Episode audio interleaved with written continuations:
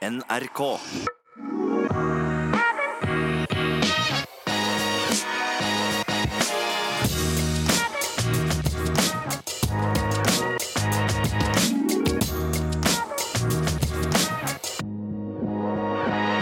Ny uke, og vi er tilbake i det lange løp. Kjører ny episode, og det som skjer er jo at Christian Ulriksen har kommet tilbake til gamlelandet etter fem ukers opphold. Velkommen. Jo takk, jeg trodde jeg hadde flytta fra Nordpolen, men det er mye vær og vind her nede i Oslo òg. Jeg heter Jan Post. Jeg kommenterte i helga langrenn og kombinert i Roka. Det var relativt mye vær der òg, relativt surt. Du har vært en tur i Valencia. Det så bedre ut. Ja, det er utrolig, den byen der. Altså, det er nesten så Idet du lander, så skjønner du at det her er en by som er laga for eh, sportslig aktivitet. Og eh, ja, jeg vil jo nesten si nok et prikkfritt arrangement der nede. Det var et eh, det var et, et, skikkelig gjennomført opplegg. De fikk verdensrekorden på 10 km. Det ble satt ny løyperekord både for gutter og jenter. Det ble tatt en europarekord. Og i det hele tatt, det var, det var veldig nært på 100% for arrangøren der nede. Så det er virkelig å anbefale den, både halvmaraton og helmaraton der, der nede. altså. Valencia Marathon da, på søndagen som var. Jeg satt da på et pressesenter i Roka. Utafor var det 13-14 minus, det blåste sidelengs. og jeg holdt meg inne, nistirra ned i en telefon der jeg heldigvis hadde fått opp en stream. og Der løp det 14-15 karer fra Afrika. Passerte halvmaraton på rett under 1.02. En kar lå bakerst der, han er fra Trondheim. Det er deg, Sondre Nordstad Moen. Du kom inn på 2.06,17. Det er ikke gærent. Hva sier du? Uh, nei, det var um, Det var um, Ja, jeg hadde vel egentlig Med den åpningsfarta som det var spådd på forhånd, så, hadde jeg, så ville jeg være fornøyd med under 2.07. Så um, Sånn i ettertid så kunne han vel kanskje kunne håpa på pers med ei roligere åpning, men uh, jeg var egentlig Valencia for å teste ut 203-fart. Og det, det, var jeg med på i Ja, da var det rundt, rundt 32 km at jeg mista tetgruppa der. Ja, Det gikk unna fra start. Det gikk så fort at jeg ble litt bekymra når jeg så kilometer sånn 2.51-2.52 noen tidlige kilometer der. Og dere gikk vel gjennom under 29,20 da på, på, på 10 km. Hva tenkte du i starten? Nei, jeg fikk Jeg sprang jo uten, bevisst uten øh, klokke, så jeg så jo uh, Jeg så jo klokka på lederbilen litt Bare for å ha en aning om hvor lenge jeg hadde igjen. men men Nei, jeg fikk egentlig ikke med meg stort av kilometerpasseringene. Jeg så vel jeg, så, jeg la vel merke til 15 km og 20, tror jeg. Uh, ja. Men 25, 30 Jo, 30 og så fikk jeg vel Det var vel det var det ei klokke som sto på sida av veien der. Du var litt nysgjerrig? Nei, men jeg merka Det gikk uh, Altså Først hadde de jo Først så hadde de jo ba de jo om uh, Arrangøren ønska 256-fart, som er rundt 1.01,50. Eh, men når han eh, største favoritten uh, trakk seg mm, tre-fire dager før, før løpsdagen, så ble det at han gikk Gikk bort fra 2,56 og heller på 2,57, som òg var jevn fart til løyperekorden. Så da Men jeg kjente, jeg kjente jo mellom ja, mellom 22 og 27-28 km at det gikk eh, ikke 2,57. Det var sikkert noen kilometer her som, eh, ja, som du sier, gikk ned mot 2,51-2,52. Uh, og det Ja. Sånn, både litt mentalt, men også fysisk så føler jeg vel kanskje at det at det var litt i overkant. Jeg, tror, jeg hadde jo håpa å kunne pers på halvmaraton nå i høst, bare for å ha litt den der eh, ja, bufferen da, med at du vet at Hvis du springer 59,30, så vet du at du ja, 1.02 vil føles uh, vil føles lett. Det har ikke jeg det har ikke jeg klart i høst, så jeg visste jo at uh, 62 blank ville føles ukomfortabelt, og det, det gjorde det jo òg. Jeg har hørt på pusten at det her det her er egentlig ikke noe jeg helt har trua på å klare å holde til mål. Men det er klart når jeg passerer tre mil på litt over 1,28, så vet jeg jo at jeg har en del å gå på, på i forhold til persen min, men uh, på 32-33 km så ja, ikke har jeg følelsen av å gå næringstom, og, så føler, og jeg føler heller ikke at beina er liksom helt most, men uh,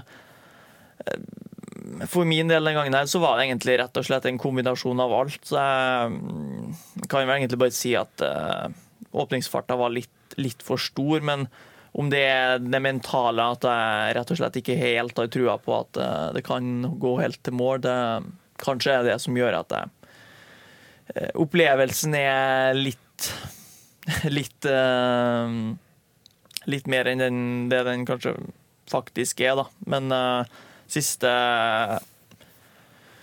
fire-fem kilometerne så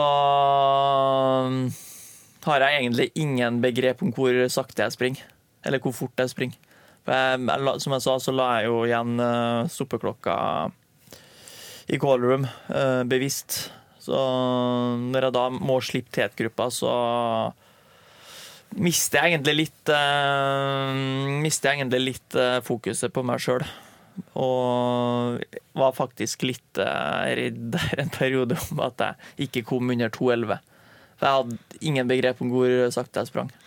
Det, det, er jo sånn at uh, kilometertiden spretter opp på 3.10-3.11 på det verste der, da, som kanskje er de siste 2,2 km. kilometerne. Så når du føler at du sprekker, at det går sakte, så løper du 3.10 per kilometer. Det er jo litt sprøtt å tenke over for oss eh, vanlige dødelige. Men hvordan har du det da, den siste mila? Du merker jo der at du må begynne å slippe tetgruppa på ja, uh, rett over 30, og så tar du dem inn igjen for de roer litt ned, og så slipper du gradvis, og den gruppa den, den sprekker fullstendig opp. Hvordan er det derfra inn?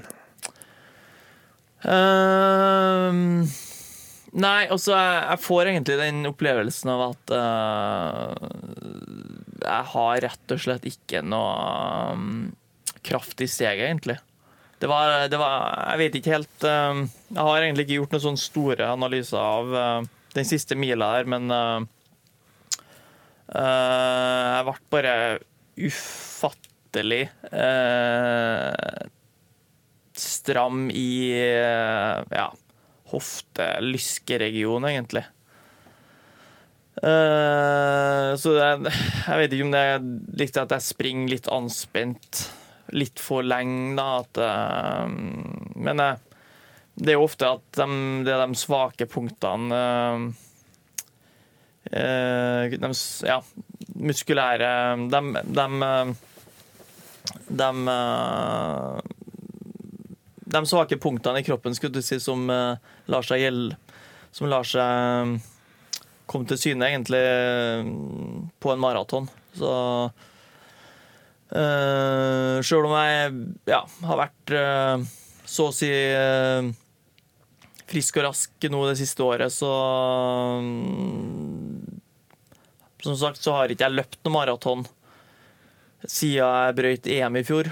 Og jeg har jo løpt en del langturer for å herde beina. Og jeg har kjørt òg noen spesifikke maratonøkter rundt tre mil. Men eh, det som møter meg etter 32 eh, km der, eh, er jo egentlig noe helt nytt. Når jeg ser tilbake på det nå, så Um, det kan jo være at det rett og slett er litt noen, svake, noen svakheter som jeg er nødt til å få styrka opp, rett og slett. Så vi hører Sondre her, Christian. Han er jo ikke en fyr som tar av selv om han løper ganske fort. Er ganske selvkritisk som uh, type. Jeg vet ikke om så veldig mange som ikke er født i Afrika, i fall, som ikke hadde vært strålende glad uh, over den tiden. Han er selvfølgelig fornøyd innerst inne, men vi må hjelpe dere som lytter på her, til å sette dette her litt i perspektiv. Han er 29 sekunder bak sin egen personrekord, satt i 2017. Når han snakker om en passering på halvveis her på, på 61,59, så er det ingen nordmenn utenom han selv som har løpt fortere på halvmaraton. Den gamle norske rekorden som han slettet i 2017, den var svakere enn det han passerte på halvmaraton her.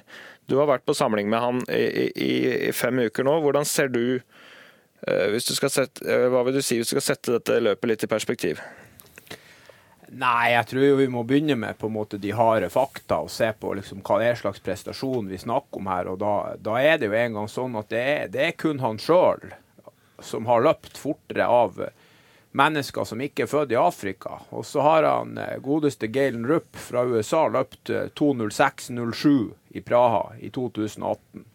Og, ut, og så er det en par japanere som er rundt pluss-minus 2.06 og så er det den tida til han Sondre. Så historisk så er det jo et, en ufattelig, ufattelig prestasjon, og det er jo veldig veldig vanskelig tror jeg, for, for alle, inkludert han sjøl, å egentlig forstå det. Men det er klart at eh, Hans Sondre er ikke den som sier, sier, mest, og som gir størst på en måte ja, honnør til seg sjøl, men, eh, men, når du ser hva, hva andre europeere både sender og, og, ringer og sier til han etter løpet, så så må man på en måte bare ta inn over seg at det han gjorde i Japan, det er det mange som har sett. Det er mange som har fått trua på at det går faktisk an å, å være, være ikke født i Afrika og konkurrere mot de beste. Og, og status per nå i verden er at han, han, Sondre går foran som et godt eksempel. Og så springes det, i stedet for å springe på, på 2,12, så springes det nå på 2,10 fra en haug med europeere. og eh, ja, han, han, er med på et løp som er helt sinnssykt. Altså, vi, vi hadde en liten gjennomgang med Renato i går. De, de er sju mann her som springer lav 2.07 eller bedre. Det, det, er en mann som vinner her, som, vi, som debuterer på maraton. Han, han, der Kigen Øtzbilen, som nå er tyrker, men som selvfølgelig er fra Kenya og, og aldri har bodd i Tyrkia, han, han springer sin ellevte maraton nå, og det setter ny europarekord med et minutt. Men, men det er liksom det er to år siden Sondre sprang en maraton, og 42 km er tungt for oss alle. Og når han forteller at, at han er usikker på svakhetene etter 32 km, så er det jo litt de samme problemene som både du og jeg og andre på en måte mosjonister òg har. Altså, du kommer til et territorium der, der du ikke har vært før. Han, han er over 1 12 minutt foran løpet i Japan på 30 km her. Han springer jo ganske betydelig positiv splitt denne gangen. Og det er klart at vi har alle sprunget løp med positiv splitt. Det å, det å springe fort på slutten i en maraton når du er helt ødelagt og du er på ei anna fart enn du åpna på, det er tungt for alle.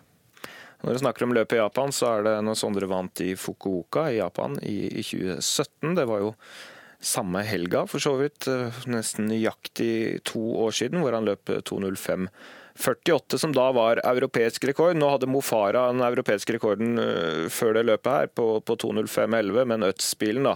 Født og oppvokst og ja, er vel fortsatt for det meste i Kenya, vil jeg tro, men representerer nå Tyrkia, som, som flyttet den rekorden i dette løpet. Men du så Øtz-bilen lenge?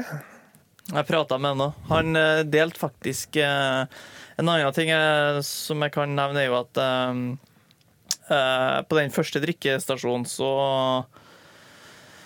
eh, så fikk jeg Så var flaska mi bort. Okay. Og jeg lurer på om det var noen av de 10-15 eh, løperne som lå i front der foran meg, som tok ei anna flaske. Og, og, på drikkestasjon nummer to så fikk jeg heller ikke tak i flaska mi, så det var først faktisk på 15 km at jeg fikk tak i den drikken jeg hadde planlagt å drikke. Så men han dødsbilen, han delte faktisk øh, øh, flaska jeg vet, ikke, jeg vet, ikke, om det var hans eh, drikke, eh, det heller. Men eh, han delte i hvert fall litt med meg på den første drikkestasjonen. Og på den andre drikkestasjonen så var det òg en ja, som delte, delt litt, så det hjalp nok litt. Men jeg fikk nok kanskje gi meg litt for lite i starten der. Men Nei, jeg prater, Han Øtspill, han han lå jo Han sprang jo defensivt første Første Første halvdel, i hvert fall. Og han Ja, vi sprang side om side rett før med, med hverandre rett før vi passerte halvmaraton, og da sa han liksom This is fast, sa han. uh, men jeg hørte liksom måten han sa det på, at han var Han var godt innafor uh, grønn sone, ja, skulle jeg si. Så han uh, han var, han var pigg. Og det var han som Ut ifra det jeg fikk med meg, så så det ut som han tok initiativet rundt etter tre mil der og pusha farta litt. Så Altså, han har jo gjort flere solide varemaraton i, i det siste. Um, første gang jeg egentlig oppdaget han, var under Great North Run for noen år siden, hvor han løp mot Mo Farah. Så usedvanlig sprek ut. Så nesten ut som han kunne ta Mo Farah på slutten, men det så ut som han ikke spurtet for fullt. Det var litt sånn merkelig situasjon på, på oppløpet der, men uh, tydeligvis en veldig begavet løper, som nå gjør det litt verre å sette europarekord i, i framtida. Men tilbake til, til, din prestasjon, Sondre. Mm. 2.59,5 ca. per kilometer tilsvarer denne farta, så da må dere finne en tredemølle som går hakket over 20 km i timen hvis dere har lyst til å, å teste farta. Da er det bare å hoppe på og så prøve å holde ut i 42 km 195 meter. Det er, det er fort, Christian. Du har løpt maraton på 2,21 og trener livet av deg for å prøve å løpe under 2,20. Hvis du skal løpe 1000 meter i den farta der, så må du ta i, altså. Da må vi definitivt ha lengre pause enn ett minutt hvis vi skal ha mange av de repetisjonene. Det er i hvert fall helt klinkende klart. Men eh, det, det, er utrolig å se på når det springes på toppnivå. Så det, det, jeg så en par av de filmsnuttene etterpå, så det, løpet her, det må man sette seg ned og få, få sett ordentlig i ettertid. For den mengden løpere på den der farta, det har vi faktisk rett og slett ikke sett før. Nei, det var eh, utrolig felt som, som var der. Du lå på halen hele tiden, eh, Sondre. Var det bevisst? Ja, det var bevisst. Sånn som i Japan, så da gjorde jeg det stikk motsatt og lå rett bak karene hele veien. Og fikk tak i drikken min uh, hver gang og ja, følte jeg hadde egentlig kontroll hele løpet. Mens det her uh, Det her var Men da, da, klart, da hadde jeg løpt liksom under uh, timen på, på halvmaraton. Og det med positiv splitt i det løpet òg, så jeg, jeg var liksom jeg visste at uh, med 1.03,20 så ville det føles veldig komfortabelt. Mens det her visste jeg kom til å bli uh, ja, langt mer ukomfortabelt, i og med at jeg ikke har uh, rett og slett Jeg føler sjøl at jeg ikke har fått helt den fartsreserven tilbake som jeg hadde i 2017. men det Ja, hva skal jeg si? Uh, Hvordan føles farta da?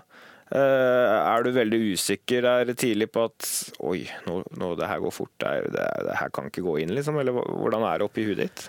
Nei, det var ikke noe alternativ for meg å gå ut i 2.06-fart, fordi da, da, blir, da, er du ikke med i det hele tatt. Altså, du kan uh, Du kan håpe å ta igjen noen løpere og kanskje sette pers, men på det øverste nivået her, så er det egentlig ikke noe Det er slutt på den tida her at du kan liksom komme, passere halvmaraton to minutter bak teten og ta igjen eh, Ta igjen det tapte. I hvert fall når det er Når vi snakker 12-13-14 grader og vindstilt, liksom, så blir det løpt fort fra start.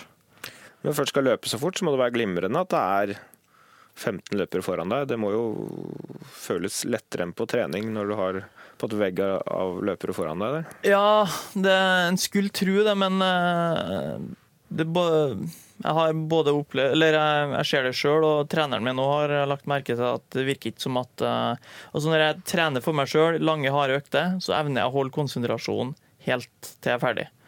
Men på løp så er det ikke bestandig sånn uh, hodet mitt uh, fungerer, har jeg funnet ut. Fordi ofte så blir jeg litt uh,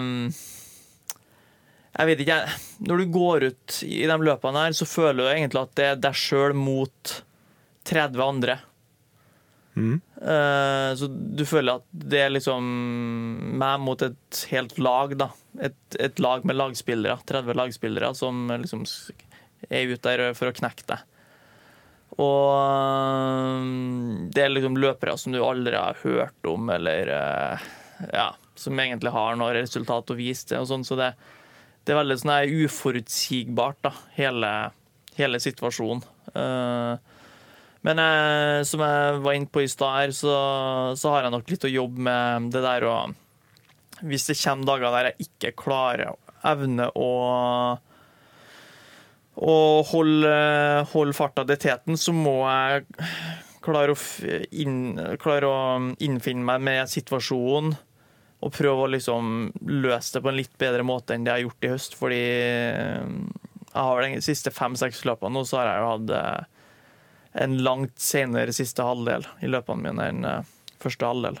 Så det er klart, Sånn er det jo med lange løp. Hvis du først får det, så, så blir det tungt. Men det er veldig mye mentalt oppi det her òg, da. Og det er litt sånn, kanskje har jeg fått litt den der typiske kenyanske mentaliteten at når det, er, når det er slutt, så er det liksom ikke noe så mye mer å springe for, da, hvis du skjønner. Ja, at, eh, at du kunne kriga ene, eller vært ene harde med deg sjæl siste mila? Liksom? Nei, jeg, jeg, føler egentlig ikke det heller, fordi jeg hadde såpass uh, Som sagt så ble jeg helt, uh, helt kake i, på innsida av lårene i muskulaturen her. Uh, og det har ikke vært tilfellet på økten, men det er klart Det er forskjell på å springe en 45 km med et snitt på par og 20 sekunder senere og det er forskjell på å springe 31 km oppdelt eh, som intervall, litt raskere enn maratonfart. Så det, det er kombinasjonen av de to, av varighet og intensitet, da, som eh, rett og slett eh, ja, knekk meg der. Men um... Det er solide økter du drar opp her. Vi kan snakke litt mer om, om treningen etter hvert. Men vi har fått inn noen, noen spørsmål. Vi har jo en, en Instagram-profil som heter NRK i det lange loop. Og der har vi bedt om uh, noen spørsmål til Sondre. Um, om dette løpet og, og, og, trening. Vi kan ta noe av det nå, Christian, før vi går nærmere inn i, trening og hva Sondre har lært på veien mot dette 2.06-løpet. Nå har du endelig mulighet. Det er ikke vits å brenne inne med noen spørsmål. Hva i Guds navn er det du lurer på? Ja, vi får honorere dem som er først ute, og så får vi starte øverst. Så får vi prøve å ta en to-tre spørsmål her. Jeg syns jo det første spørsmålet som kom inn her, var veldig bra. Eh, nå vet jo ikke jeg hva folk heter, så vi får ta Instagram-navnene deres. Smalltall32. Vedkommende lurer på hvorfor du ikke løp maraton i VM. Ja øh, Godt spørsmål. Uh, jeg hadde jo øh, Jeg har jo ikke, løpt, jeg har ikke fullført et maratonløp siden jeg sprang i, i Fukuoka i 2017. Uh, eh, og når jeg ble uh, Ja, når skaden i fjor høst tok såpass lang tid, så valgte vi å ikke springe en maraton uh, til våren. Eller fokusere på å springe et par halvmaraton, eller tenke litt mer langsiktig. Uh, men likevel så ble jeg jo skada i april, så spørsmålet om det hadde egentlig vært lurt i det hele tatt og skulle ha tenkt mer i retning maraton og uh, lagt bort litt mer den uh, fartsbiten, men uh, men ja, jeg har, jeg har måttet løpt en vårmaraton rett og slett for å ha vært kvalifisert. Så, og jeg hadde egentlig planer om å prøve å gjenvinne litt, uh, litt av de egenskapene som løper uh, eh, mista i fjor pga. Uh, skadene. Uh, så vi ville heller prøve å springe litt baneløp, litt kortere løp, og heller rett og slett bygge seg, litt, bygge, seg litt, mer langsiktig opp mot en høstmaraton. Så da valgte, da valgte vi heller å prøve å ta Eller jobbe litt, um, springe litt på bane. Og jeg hadde jo også lyst til å ta den norske rekorden på 10 000, som jeg også tok. Og da ble det um, ja, naturlig å ta med seg VM på 10 000, uh, sjøl om ikke det var et uh, hovedmål. da. Det er viktig å få tatt alle mulige rekorder før han Jakob begynner å gå opp i distanse, for da kan det fort dra seg litt mer til. ja, sant. Så er det jo en her som lurer på eh, Tilsvoll. er Valencia et bedre alternativ enn Berlin? Og det er jo kun jeg som kan svare på, så jeg sprang halvveis. Og svaret er at hvis det absolutt eneste du bryr deg om, er tida, så er det fortsatt bedre å springe i Berlin. Men Valencia var et utrolig bra arrangement. Fantastisk by. Meget bra tidspunkt på året. Så jeg vil jo eh, det, det, er helt der oppe. Men Berlin-standard på løypa, det var det ikke. Hvor mye saktere, vanskelig å si, men det var veldig bra. Så har vi også han godeste Marius Vedvik. Han er jo en, en meget habil løper og en uh, veldig bra fyr. Han er òg interessert her. Om han er interessert i å få, få tetta luka opp til deg, eller om, uh, om, det egentlig er på generelt interesse, det er jeg litt usikker på. Men han lurer på om i løpet av løpet, altså da snakker vi jo før du slipper. For det er klart at når du slipper på 32 km, så slipper du ikke fordi at du vil slippe. Da slipper du for at du må. Mm. Han lurer på er det mulighet bitte litt tidligere her til å slippe på en måte for å justere. Kanskje rundt 25 km, eller er på en måte det de spørsmålene der det blir så, så vanskelig å, å, svare på fordi at det bare blir teori. I praksis er det kanskje umulig. Eller tenkte du noen gang underveis i løpet at hvis jeg slipper litt her nå, så kan det holde lengre? Nei, jeg tenkte egentlig aldri, aldri på det. det. Jeg tenkte litt sånn før. Når jeg sprang løp at nei, det her er for fort. Jeg, jeg gir, meg, gir, meg, på en fart. Jeg gir meg med den farta her mens leken er god, men uh, med tanke på at muskulaturen blir som den blir utover på 4-35, så tror jeg til syvende og sist at det ikke hadde spilt så stor rolle. Det er jo ikke sånn at jeg er full av melkesyre på 32 km, men det er, det er liksom det er kombinasjonen av alt altså, på en maraton. Det, det, og det, det, virker som at det er noe nytt hver gang. Eller oppfatt... Altså, ja, det hvert maratonløp er ganske Kan være veldig mye mer ulikt enn uh, et 10 km-løp, som egentlig bare er vondt fra 7,5 og inn. Bare fordi at en uh, bare kjenner at uh, melkesyra bare stiger og stiger og stiger. Mens på et maraton så er det Den ene gangen så er det ei vannblemme som bare utvikler seg på, på stortåa, eller det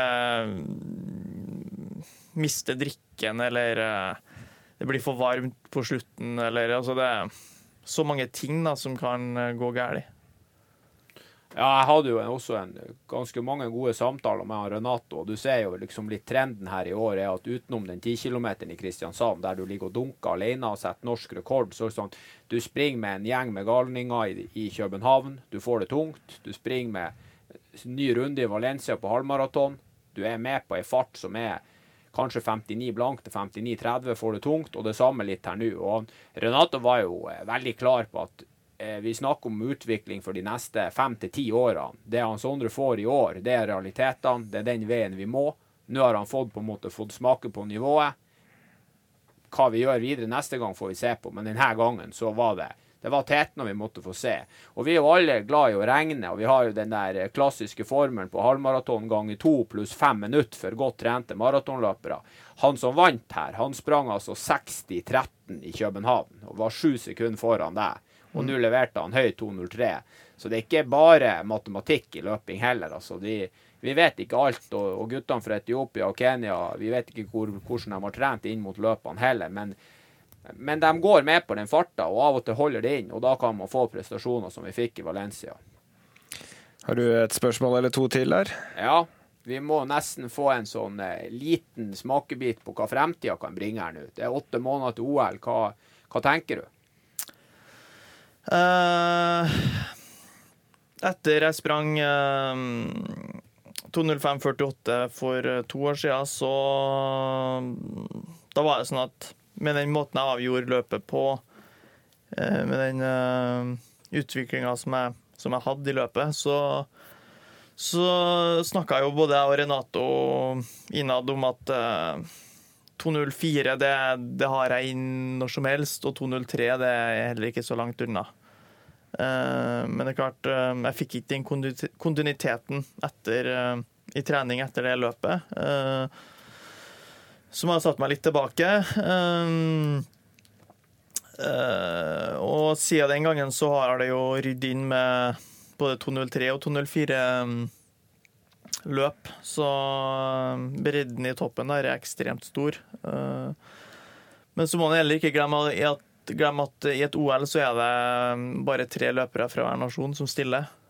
Og det blir heller ikke ideelle løpsforhold med tanke på tid. Det vil være andre ting som kan ja, veie opp, da. Så jeg tror ikke den skal helt eh, skrinlegge Jeg skrinlegger i hvert fall ikke sjansene mine for å kunne ta en medalje, men uh, det å ta en Baldini i 2004, det Det Ja. Det, det blir litt sånn her Det blir litt sånn her Ja. Litt science fiction, men jeg vet ikke. Nå har jeg i hvert fall fått Nå har jeg i hvert fall fått prøvd det der å gå ut i, i, Gå med teten et, på det høyeste nivået. Så jeg, jeg føler nå jeg hvert fall Nå prøver jeg i hvert fall å få ja, uh, sortert ut litt hva, hva hva som blir viktig å, å øve på da, i trening. Både sånn fysisk, men også mentalt. Og som du sier, det er Renato er inne på, at jeg hadde en, eh, en trend nå egentlig hele høst. At uh, jeg takler svært dårlig å bli løpt ifra. Da, da er jeg sånn Da er løpet mitt over. Da er det bare å komme seg i mål liksom, for å ikke bryte. fordi det Jeg liker ikke å bryte løp, men uh, jeg, ser, jeg ser det at uh, det der å det der og det, det, på en måte var god på før, da. Det er jeg dårlig på nå. Mens det jeg på en måte var frykta før, det der å liksom legge bort klokka, bare gå med teten, som jeg var, aldri kunne finne på å gjøre for en fire-fem år siden, det, det har liksom blitt uh, varemerket mitt. Uh, du har blitt kenyaner, du nå?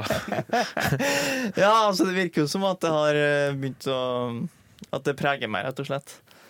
Ja, har du bare fire uker siden du skal på et langt opphold i Kenya igjen, så kan du utvikle den indre kenyaneren i deg ytterligere. Eh, det var Bjørn Drød da, som lurte på framtiden. Eh, spennende. Du nevner Baldini, han tok jo OL-gull i 2004. og Det er jo ikke sikkert, hvis du hadde spurt Baldini før jul i 2003 at han var skråsikker på at han skulle ta det OL-gullet, han heller. Så vi må, vi må, åpne opp for eh, alt. Det er jo sikkert et løp veldig mange husker. Ikke først og fremst fordi at Baldini vant, men fordi vi hadde en eh, brasilianer som eh, gikk hardt mot slutten. Begynte å se bra sliten ut, men da en irsk prest kom inn fra sida og dytta han inn i publikum Det er sikkert et maratonklipp som er vist flest ganger. Han kjempet seg inn til en bronsemedalje med Baldini. Hadde nok løpt forbi han uansett. Uansett et klassisk eh, maraton, så får vi se om eh, OL-maraton i det som ser ut som blir Sapporo da, i, i 2020, blir like legendarisk. Vi må snakke litt uh, trening her. Og... Han, Kristian han Christian får kle seg ut som, uh, som en prest her i Sapporo. Gærning fra Nordpolen. Han får rydda unna de folka som er i front her. Uff a meg. Fæle greier, det der. Det er nok av problemer ellers på maraton om ikke utkledde folk fra Nordpolen skal komme inn i feltet og begynne å dytte. Ja, sant. Men, men. Nei, vi må snakke litt trening, Sondre. En ny oppkjøring. Hva lærte du eh, treningsmessig av den oppkjøringa her, føler du?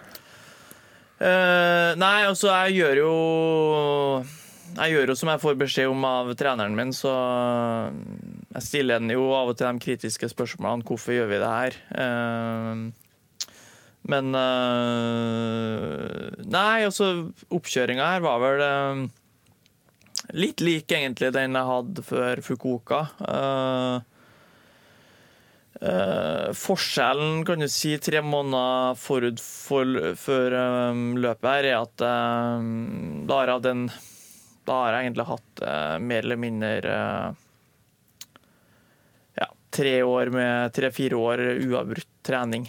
Ikke på, ikke på et så høyt nivå som jeg har hatt kan du si det siste halvåret her, men med kontinuitet. da. Og eh, jeg fikk jobba litt med farta i, på sommeren 2017, som gjorde at jeg hadde liksom litt, eh, litt fartsoverskudd. Da. Eh, tre blank føltes veldig lett. sånn rent fartsmessig, hastighetsmessig så, og mekanisk så føltes mye lettere enn det jeg egentlig har gjort i år. Men jeg har med meg såpass mye av den der Kan du si Den, den grunnleggende maratontreninga, det å vende beina til å springe 42 km på et visst nivå, den, den har jeg liksom med meg og den tror jeg heller ikke det skal mye til for at jeg mister den, om jeg i hele tatt mister den. Og da snakker vi om det der at jeg Renato mener jeg kunne ha løpt en maraton på 2.09 egentlig når som helst. Og det stemmer sikkert òg. Uh, og så er det litt den der spesifikke utholdenheten. Uh, der har vi egentlig ikke, vil jeg si, da, tatt ut så mye som jeg gjorde i 2017. Det er klart, jeg har ikke mange Jeg har vel egentlig ingen sånn lang, lange fartsleker med flytpause uh, den gangen her. Jeg har vel egentlig bare hatt uh, én økt, tror jeg. Og det var den siste langøkta. 24 km med annenhver kilometer. 2,55 og 3,10. Og så har vi hatt uh, Men jeg had, det, jeg hadde, det som var kanskje forskjellen i år, var at uh, når jeg begynte å trene i starten av juni igjen, så begynte vi allerede å springe uh, 35-40 km. Ikke fort, men bare for å begynne å vende beina til. Um, og være lang tid ut, skulle du si. Det er litt interessant, for nå er vi ganske langt fra maratonet, og du sier at du løper uh, langturer på, på 35 km. Ikke så fort. Hva er gjennomsnittsfarta på en sånn økt? Nei, i høyden I Sesterere på 2000 meters høyde så var det vel eh, rundt 3,40, tror jeg. Okay. 3,35. 3,40. 3,35. La oss gi deg fem sekunder på, på høyden, bare for sånn enkelhets skyld. Og så sier vi at maratonfarten din ble tre blank. Den ble 2,59,5. Eh, så da er vi en 40-45 sekunder over maratonfart. Så kan dere eh, tenke det ut fra egen maratonfart, når vi da er månedsvis unna. Mm. Men så skjerpa du litt til etter hvert, iallfall på, på noen av langturene. Ja, men uh, for eksempel uh, før jeg gjorde 2.10 uh, i Hanover i 2017, og da gjorde jeg jo en 40 km. På Ja, hvis du tar høyde for uh, høyden vi springer på og terreng og underlag, så var det omtrent 95 kanskje 96% av maratonfart. Så det var, det var en ganske hard økt. Da snakker vi sånn 3.10-3.15 fart? Ja, 3.14 hadde vært i snitt. Ja. Uh, og det var, og ei sånn type økt var også planen uh, ja, tre og en halv uke, fire uker før, uh, før Fukuoka. Men der, der, måtte jeg gi meg på 33 km pga. litt, litt hold og ja, sting, rett og slett, i sida. Og mest sannsynlig for at jeg ikke klarte å springe At jeg var litt, litt nedtrent og ikke klarte å springe avslappa. Pluss at det var litt Ja. Det var veldig sånn tung luft den morgenen der, og litt sånn høy luftfuktighet og sånn. Men i hvert fall uh, Så der var De to gangene så ville Renate at jeg skulle ha uh, så å si nesten full maratondistanse på, på, på spesifikk fart. Mens uh, den gangen her så bytta vi ut den med en intervalløkt som besto av ja, det, var, det, blir jo egentlig Ja, jeg vil si det var en intervalløkt. Altså du Jeg sprang 9 kilometer.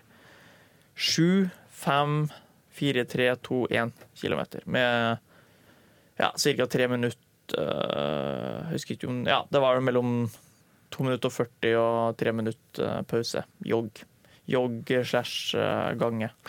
Da startet du, hvis jeg ikke husker feil, på rundt 3 blank 3.05 eh, i, i, snitt på den 9 km, og jobba deg helt ned mot lave 2,40 på den siste 1000-meteren. Så du starter ca. på maratonfart og, og, jobber deg inn ja, ned mot en, en 15-20 sekunder raskere maratonfart. Ganske røff økt ganske røff økt, men eh, jeg var, ja, var skjerpa hele veien. og kunne jeg sikkert ha løpt enda fort. Hvis jeg hadde liksom skulle ha løpt maks på den siste kilometeren, så hadde jeg kanskje kunnet bekka under 2,40 òg, men uh, nei, det var ei bra økt. Uh, og jeg ja, resulterte meg egentlig bra etter den økta òg.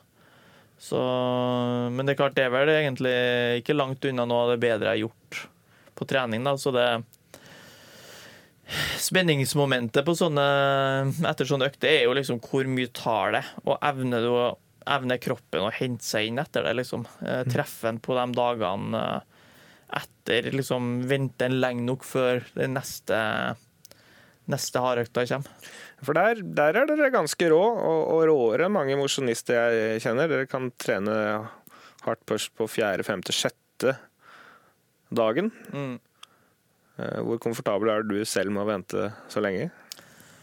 Uh, nei, jeg har vel egentlig blitt mer komfortabel med det nå etter uh, de skadene jeg har hatt. Altså at uh, altså En kan jo lese liksom i lærebøker og, og sånne ting om superkompensasjon og hvor lang tid den varer, og hvor lenge lang, hvor lang tid en må eller bør vente for neste hardøkt. Men jeg stoler egentlig litt på Renato. Jeg mener jo at Renato er veldig flink på å se hver enkelt utøver da, på akkurat de tingene der. Eh, så jeg stoler jo på at han eh, Ja eh, Tror han Eller jeg stoler på at han han tror han vet nøyaktig hvor lang tid jeg, jeg trenger på å hente meg inn etter eh, Både med tanke på volumet på økta, intensiteten, men òg litt hvordan jeg avslutter økta. da. Også rent sånn uh, visuelt. Kanskje bra å ha en trener der som bestemmer litt. Kristian, hvor tålmodig opplever du Sondra i disse situasjonene? Er han ivrig på å løpe mer? Ja, vi hadde oss jo en seanse her i høst der Renato bare rett og slett så han Sondre i øynene og spurte han om, om, han trengte enda en skade for at uh, måtte ha seg en, et nytt rettighetsbrudd for at virkeligheten endelig skulle sette seg mellom ørene. Så det er klart det, i perioder er han jo Han er grådig, han Sondre, i perioder, men han, Renato er, han er bra trener. altså Det er ingen tvil om det. Og, og, og relasjonen de har bygd opp, er, er også, begynner å bli ganske unik. De kjenner hverandre godt. og og Renato er, er, jo altså Vi kan jo selvfølgelig begynne å snakke om, om, om, om alle mulige småting, men sant, det, som er alfa og omega på alle nivå, er kontinuitet. og Vi, vi vet at han Sondre i april omtrent satt i en rullestol. ikke sant, det er klart han begynner å trene i mai, og han springer med meg. og han trener egentlig, Vi kan jo nesten si at han starter å trene 1.6, og så er man, er man i form til å, til å springe på 2.06 eller 1.12. Så er det jo fem måneder med trening. så er det jo Sant? Renato prøver jo å fortelle oss fem måneder. Tenk noe ti måneder kan gi. Tenk hva to år uten avbrekk kan gi. og det, det, er dit vi må. og Det er klart at restitusjonstida etter de røffeste øktene, den er viktig, og det er som regel der den, den største risikoen for å dra, dra, på seg og dra med seg trøbbel er. Så det er en grunn for at Renato vil ha såpass med, med avstand mellom de øktene, og så er de øktene også veldig viktige så da blir det litt sånn at du må være klar òg. Du kan ikke trene tirsdag, torsdag, lørdag med Renato-systemet. Da er det to uker, og så er vi på Ullevål sykehus. ja, Det er jo også et sånn mentalt aspekt da, når disse øktene blir så store og de blir ganske viktige. og sånn. Det er hardt mentalt å gå på dem, for det, du føler at nå, nå, det er nå jobben skal gjøres. Ja, det tar øh, Det tar jo litt øh, det krever jo at du er litt uh, psykisk uh, forberedt, men, uh, men nå har jeg liksom kommet såpass inn i altså nå er, Det går litt på at det, ha, det som er naturlig for deg å gjøre, det volumet som er naturlig for meg å gjøre på sånne økter, det, det er ikke med å liksom skape en sånn nervøsitet før øktene og sånne ting, for jeg har liksom gjort det før. Mens når jeg begynte å trene med Renato, så ga han meg jo masse nytt. Var sånn det, var, det første halvåret så var jeg jo liksom sånn her, hadde sånn her spenningsnivå liksom eh, kvelden før jeg skulle trene. sånn at det var sånn Uh, og det, det, var jo positivt enkelte ganger, men andre ganger så tømte jeg meg kanskje litt sånn mentalt. da, altså At jeg, jeg grubla for mye og var litt for engstelig før økten. Mens uh, jeg kan ikke si at jeg hadde så mye Jeg hadde litt jeg jeg hadde litt av det før noen av øktene før jeg sprang eh, Før jeg sprang eh, norsk rekord på 10 000. Fordi da var det noe det som var litt sånn eh, Klarer jeg å gjøre det her? Men jeg kan ikke si at det, at det var noen økter uh, nå i høst som jeg tenkte at det her er det her blir liksom helt Det er nesten uoverkommelig liksom å, å, gjennomføre. Så Ja. Det skaper liksom en, en trygghet, og da bruker liksom mindre mental energi på, på det. Uh, det skal jo også sies at uh, jeg, trener, jeg har jo trent mye for meg sjøl opp gjennom årene. og når jeg da beveger meg inn i et annet treningssystem med Renato, og jeg trener for meg sjøl, så krever det Det krever liksom Sjøl om jeg er vant med å trene for meg sjøl, så er, når du blir presentert noe nytt, som kanskje av og til krever at du har noen med deg til å pushe det, så kan det jo være Kan det jo være være tøft, men uh, nå de siste fem ukene så hadde jo jeg og Christian med oss han Harry Summers fra Australia. Så han, uh, han, var, ja, han var jo med på deler av øktene mine, i hvert fall. Så det hjalp jo litt at han, at han var med der. Og han han hadde jo en uh, hardjobb for 206-gruppa her i Valencia, så han ja, i noen situasjoner så fikk han praktisert litt det der. og springe i front. det hjelper mentalt å ha med en som har gjort 27,50 på, på trening og løpe fram, er det du sier? ja, men samtidig så Når han kom, eh, når han kom til Sestrere i slutten av oktober, så så ble han jo mer eller mindre plassert litt på ukjent eh, farvann. Så han eh, Selv om han ikke gjorde fulle økter, men så var det ting som var litt sånn nytt. og det sånn to, to, uker før maraton så hadde vi en 40 km bare for å holde eh, den muskulære utholdenheten litt ved like. Og for en løper som ja, knapt har løpt over tre mil uh, på trening, så det blir sånn når du Han har jo liksom løpt 7,51, 13,30 lav og 27,50 i år. Så det er klart, det å springe en langtur i rundt 3.30-3.40 på kilometeren, det jo, føles jo veldig rolig for han. Eh, det er klart, men eh, det er varigheten av økta vet du, som er sånn der eh, Jeg kan nesten se for meg at han tenker litt sånn her, hvorfor, hvorfor, skal vi være ute så lenge, liksom? Mm. Og hvorfor springer vi så rolig som 3.30 eller 3.40?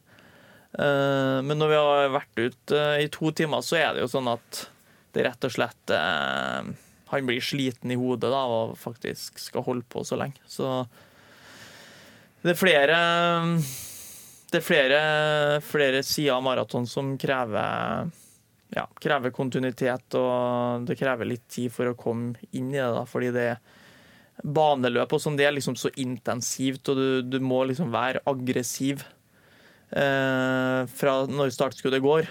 Mm. Mens på maraton så kan du ikke være eh, Du kan liksom ikke bare klinke til første to-tre kilometerne. Liksom bare, det går an, men uh, løpet starter rundt tre mil, så du må du må komme til tre mil og ha brukt minst mulig mental uh, energi. da. It's a waiting game, ja. som jeg pleier å si. Ja ta én økt til fra, fra oppkjøringa di, som, som ut, utsett utenfra kanskje overraska meg litt. Den siste langturen som du gjorde ca. to uker før, mm.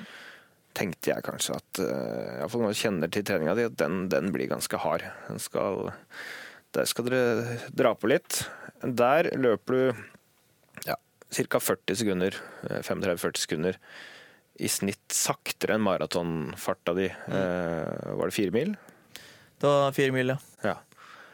Hvorfor landa dere på den løsningen, og det var litt utypisk på et vis? Nei, egentlig ikke. Altså, jeg tror Renato eh, Sånn som jeg har lest situasjonen, så var han egentlig fornøyd med det jeg hadde gjort. Ja. Det, det, det, nivået jeg holdt på de øktene han hadde gitt meg. Det er sånn, fordi han gir meg jo økter for å liksom gi en stimuli, Eh, men så bruker jeg nå øktene for å se hva mer trenger vi, egentlig. Hva mer er det å tilføre? Og så har jo han nå friskt i minne at vi har, eh, vi har hatt nok av skader siste året. Ja, Så han skal Så- der til start. Ja, hans, det er viktig å komme til start også. Så eh, Så for hans del så var det mer om å vedlikeholde den der eh, evnen eh, mentalt, da. Til å bare være ute der i godt over to timer. Eh, og ja. Det muskulære, den muskulære utholdenheten, den Én en ting er å springe på maratonintensitet i tre, tre mil, men en annen ting er når du er ute der i to og en halv time nesten og på beina. Så um, han ville rett og slett vedlikeholde den egenskapen. um, og, og, og den mentale biten. Men um, han så ikke Han så ikke på, på det som en uh, en, uh, en spesifikk økt som på en måte skal gjøre meg bedre på den spesifikke intensiteten som, som en skal holde på løpet. Så det var en vedlikeholdsøkt, rett og slett, av eh, ja, det kroppslige, det muskulære. La oss dukke inn til eh, maratonhelgen igjen. Kristian, du bodde på rom med, med Sondre. Du har aldri bodd på rom med en som løper 2.06 på maraton før. Og jeg tenker litt sånn, Det er to år siden han har kommet uh, i ship shape inn og skal løpe maraton. Ekstremt mye trening i banken, og det er en veldig, veldig viktig dag uh, på veldig mange vis. Hvordan oppfatter du Sondre de siste to dagene og inn til løpsstart? Du var vel med omtrent til startstreken der? Ja, det var jo ei, var jo ei positiv Egentlig i helhets eh, Både helga der og ikke minst den treningsleiren var jo givende for min del. Men vi ble jo enige om når vi flydde til Valencia på, på fredag, at vi, vi la vekk litt eh, både jeg skal ikke si planlegging av løpet, men vi la, la vekk litt den, her, den der jaget om å på en måte prøve å, å, prate mest mulig trening. Og så prøve å heller å prate litt om, om andre ting og litt om andre løpere og, og, litt om andre prestasjoner i år som har på en måte vært litt givende. Vi hadde også en god runde med han der godeste amerikaneren som klarte å løpe 12,58 på 5000. og liksom litt sånn at eh, vi prøvde å og jobbe litt med de, de, positive tingene rundt løping, uten å gå inn på Sondres i trening der de siste dagene. Og så er det jo egentlig som det er med, med mye annet. Det gjelder å holde seg i, i godt humør, men samtidig litt skjerpa. Og så er det klart så bor du på hotell der med, med alle de andre løperne òg, så det, det, er klart du, du, kjenner jo litt på spenninga. Det er klart de, de, både de etioperne og de kedianerne, de er, de er jo der for å, for å gjøre en jobb, de òg. Det er klart folk er, er litt nervøse og er skjerpa, men jeg syns det var jeg syns for så vidt han Sondre han var mye mer kritisk de der siste fire-fem dagene i, i, Italia enn han var siste helga i, i Valencia. Så ja, på, på, løpsdagen så tar vi jo buss fra hotellet litt over en time før løpet starter. Det er oppvarming ned i en sånn her betongparkeringskjeller rett attmed startområdet. og vi går for så vidt samla til start på det jeg og Sondre og en par av de andre europeerne som skulle ta OL-kravet. og ja, det, folk er avslappa, men det er klart de er jo skjerpa òg. Og, og, de fleste der er jo ganske rutinerte maratonløpere. Så det gjelder jo nesten å ikke bygge opp for mye spenning på startstreken, for da, da går det for fort for tidlig. Så jeg syns vi klarte mye. Sondre hadde en, en, bra prat med Renato litt om taktikk og litt om hva, hva slags arbeidsoppgaver. Og så er det noe sånn at skuddet går, og da er vi i gang. Sondre klarer å forholde helt avslappa til at det står om hundretusener av kroner, og at du har gjort en enorm jobb over to år. Det har vært mye sportslig opp og ned, mye tilbakegang, og nå har du endelig muligheten. Klarer du å blacke ut alt det der? Uh, ja, jeg følte egentlig Følte egentlig det. Um, jeg vet jo at jeg har ville hatt en sjanse At jeg har en sjanse igjen til våren uh, hvis det på en måte skulle gå galt med tanke på OL-kravet og sånn, men Uh, nei, jeg var egentlig Jeg følte egentlig Jeg følte meg trygg på den treninga jeg hadde gjort. Uh, Spenninga her er litt uh, Er jo, som vi har snakka om, litt den åpningsfarta som jeg blir med på. Så, men jeg tenker før eller siden så må jeg prøve, prøve et sånt løp òg. Det eneste som er helt sikkert, det er at trening hjelper. Så nå er det bare å få stramma skoene, bite tennene sammen og stå i det til økta er over. Etter å ha vært til stede og sett eh, Sondre trene daglig i fem uker, så vil jeg gjerne at eh, dere tester ut følgende økt. Det er en klassiker fra Renato som ofte benyttes i et maratonprogram der det er mye monoton trening. Økta er som følgende. Foregår på bane. 10 600 meter på 10 km fart med 90 sekunder pause. Etter det tiende repetisjon, fem minutter seriepause. Og så kommer 10 400 meter på 5 km fart med 60 sekunder pause.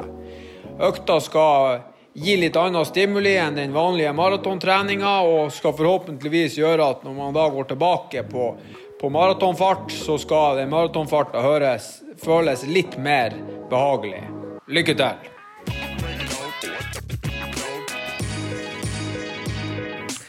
La oss ta eh, noen spørsmål hvor du bare har lov til å svare med noen få ord. Eh, rett og slett eh, noen harde fakta om oppkjøring og under dette løpet her. Lengste langtur 45 km pluss 2 km oppvarming. Største ukesvolum 229 km. Det skal sies at hvis du Men det er fra mandag. Det er fra mandag til, mandag til søndag. Det er greit. La meg prate ferdig. Men, men det var en sånn Jeg hadde vel en periode på sju dager med OK, det får gå for det her spørsmålet. Men eh, fra, på en sjudagersperiode hadde jeg vel 234 km eller noe sånt. Hvis jeg skriver, skriver feil. OK, nå går vi. Nå prøver vi igjen. Ja, vi prøver igjen. Raskeste løpte kilometer. Uh, hvor lang er siste perioden, tenker du på? Ti uker. Uh, 2,43. Altså ca. 17 sekunder raskere enn maratonfart, hvis du skal relatere det til uh, egen løping. Ja. Eh, hva spiste du til frokost før løp? Eh, tre rundstykker med honning og to kaffekopper. Husker ikke om jeg drakk ett eller to glass juice. Det var ett eller to glass juice. De hadde ikke ris der, så vi kunne ikke kjøre den Fukuoka-stilen med ris og, og jordbærsyltetøy. Så Ja, mer detaljert får dere i hvert fall ikke den frokosten. Hvor mye drakk du underveis? Ja, det ble uh, altfor lite. Jeg tipper det ble kanskje fem-seks desiliter. Det var eh, dette maratonet i kortform. Nå skal vi inn på eh, at vi må ha noen råd til eh, oss mosjonister.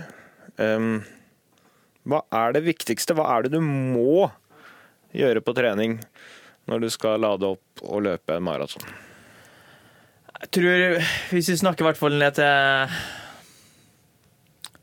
ja, Hvis vi kan snakke ned til tre timer, da, eller For å sette uh, grensa på tre timer, så handler det rett og slett om å Muskulaturen må være uh, trent for å springe 42 km. Det hjelper ikke om du springer fire ganger fire minutter på 20 km i timen med kort pause. Altså, du må Du må Beina må være herda for å kunne stå i to, 42 km. Det er klart du må ha utholdenhet òg, men eh, det muskulære Det blir så viktig, tenker jeg, på det nivået der. Fra spesielt tre timer og, og bakover. Uh, og så, fra derfra og ned til kanskje to og en halv, rundt der du sikter deg inn, da, så, så går det jo litt mer på der og de siste ti-tolv ukene at en uh, rett og slett uh, progressivt bygger opp uh, volumet på, på den intensiteten, men òg den farta du ønsker å springe i løpet. Og da, da må, kreves det planlegging. De fleste har jobb, familie, masse ting som, tar, som kan ta energi som en må ta hensyn til. Og da tror jeg det er viktig at en jo nærmere jo nærmere maratonløpet en kommer, og når en er i den den kan kalle for den spesifikke fasen, da, sjøl for en mosjonist Hvis vi snakker ti uker, at en åpner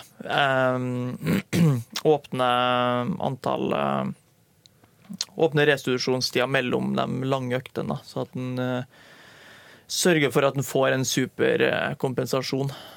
Uh, for det, det, er ikke sånn at du må ha tre eller fire hardøkter i uka på død og liv.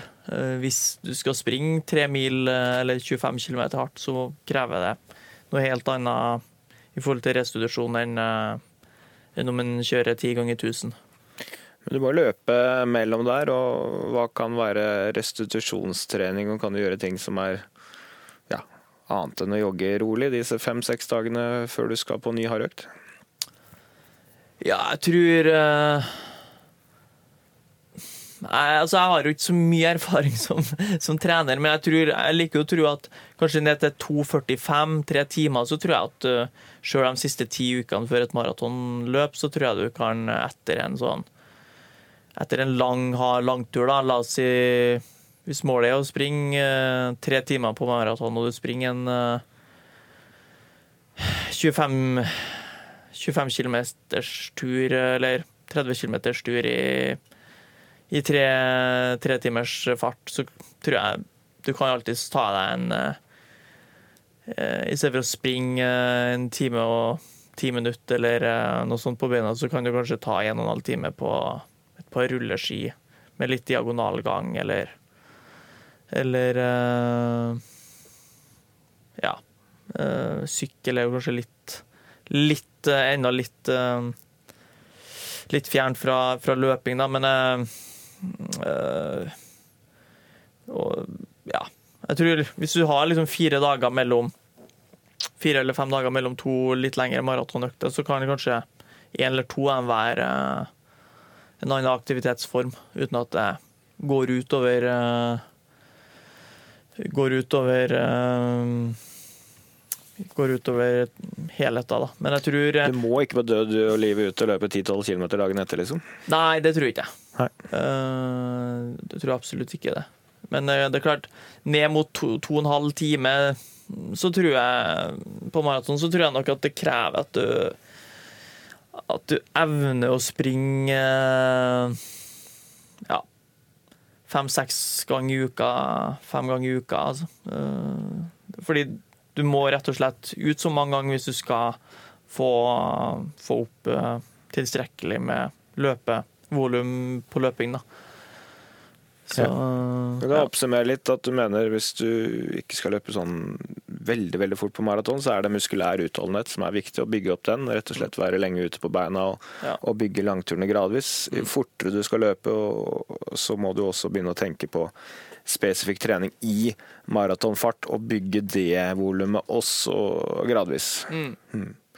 Veldig bra. Um, vi skal straks runde her. Hvor lenge etter maraton nå går det før du løper igjen? Eh, nei, Renato sa at eh, det var ikke trening som skulle stå i fokus de neste to ukene. Men eh, eh, nei, jeg tar, uh, jeg tar tre, tre, eller fire dager helt løpefri nå. Uh, heller sette av en halvtime hver dag til å tøye og strekke ut ordentlig. og så ja, legge inn litt litt litt styrke for Ikke mye styrke, men bare litt sånn her generell styrke, egentlig bare for å få kroppen litt sånn her i vater, egentlig. Det har vært Klart, løping er jo veldig monotont, og uh, Sjøl om jeg gjør litt kjernetrening og litt den pakka der, så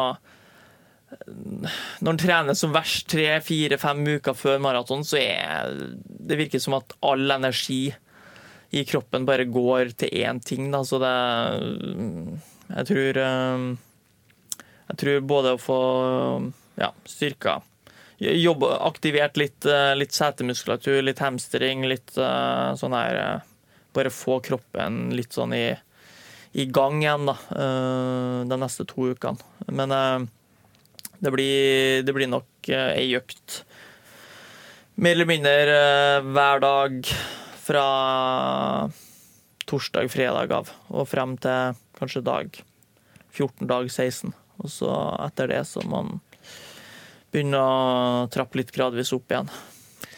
Trener Renato Canova har ikke sendt med deg et tau så du skal binde den fast, Christian?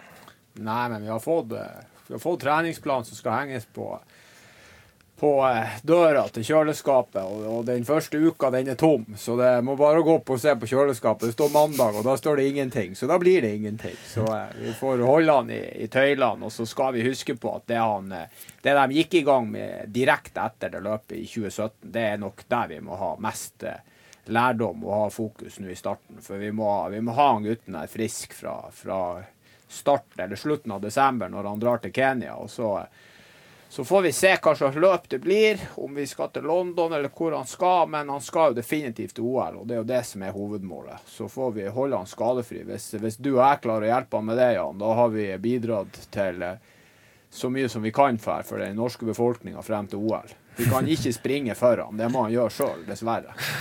Men du, Vi må snakke litt om din løping òg, for du hadde jo en, eh, en, plan her fortalte du om i forrige episode, der du skal prøve å følge dameteten så lenge det gikk nede i eh, Valencia. Hvem var det du endte bak, og hvordan gikk dette her?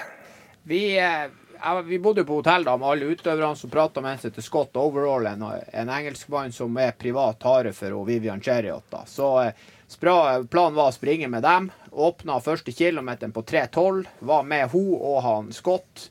50 eh, meter foran oss var det to etiopiske jenter.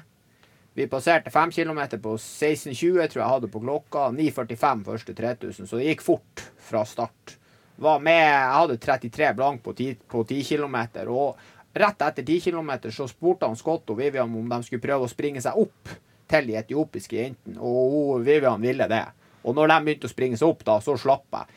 Eh, litt fordi at jeg visste at hvis jeg springer med dem nå enda fortere, så blir jeg sliten med å springe så mye lenger enn 15 km. Og, og litt fordi at jeg hadde lyst til å få ei litt lengre økt. Så fra 10 km til jeg gikk av på 21, så sprang jeg med de andre etiopiske jentene som var rett bak. Og hun ene der kom jo inn på 2,19, hun òg, så det var et uhorvelig felt med jenter. Men det, det, det smalt til fra start der. Altså, som sagt, 9,45 hadde vi med Vivian, og de, de etiopiske jentene var i hvert fall fem sekunder foran. Så eh, jeg hadde vel 1,10, noen og 20 på halvmaraton. Og når jeg gikk av, jeg gikk av bitte litt etterpå, eh, for der var han Harry. Og eh, jeg er usikker på om jeg kunne Om det hadde vært det, det skal sies at når du springer en maraton, hvis du skal avslutte da på 21 km, så er det ganske sykt å begynne å spurte på 20 km. For alle du springer med da, lurer jo på om du er helt tullete. Så jeg, jeg avslutta jo liksom ikke med en sprint finish, men jeg, når jeg gikk av der, så så jeg er usikker på om jeg hadde mye mer enn kanskje 30-40 sekunder inne. Altså en, en all out halvmaraton i, i, ja, på søndag for min del må ha vært 1.09,40 der i hugget. Det er den formen vi er i. Ja, Så fikk du deg igjen på 1.10, ellers legger jeg merke til at du blir fort på fornavn med olympiske mestere som Vivian Cheriot og sånn. Du blir kjent med mange nede på hotellet der? Ja, ja, nå har vi fått oss en god sånn WhatsApp-base med løperne i Kenya. Så nå er det bare å få bestilt flybilletten og så er det å henge seg på de der jentene. Men eh, de er fryktelig gode, altså. Mye av de jentene har 65 og, og, og lav 66 på halvmaraton. Og, oppe i høyden der. Så det, jeg tror jeg skal finne meg sånne 2.25-2.30-jenter. Det er kanskje dem jeg kan trene med hvis jeg tar turen. Ja, får se da om du skal ned til Kenya og, og, og jage jenter. Det jeg er litt mer bekymra for, er jo at du var borte fem uker nå og du skulle hjem til din kjære samboer Katrine. Passa den nøkkelen i døra, eller? Den gjorde det, men uh, hun mente at fem uker hadde gått fort. Så uh, det er mulig vi må på ny reise for å holde liv i forholdet. At du må ha enda litt mer fri. du, kan lære, du kan lære av meg som jobber 40 helger i året. Det, disse damene slipper å bli lei av oss i hvert fall. Ja, men dette var, eh, strålende. Eh, veldig interessant å høre mer eh, om bakgrunnen for et 2.06-maraton. Det er ikke så ofte vi får stilt de spørsmålene til en norsk løper. Tusen takk for at du var med, Sondre. Hyggelig. Lykke til videre. Kristian, vi høres før det andre. Gå inn, følg NRK i det lange loop på Instagram. Kanskje det er det du som får stille spørsmål i neste episode. Takk for at du hører på. Vi høres.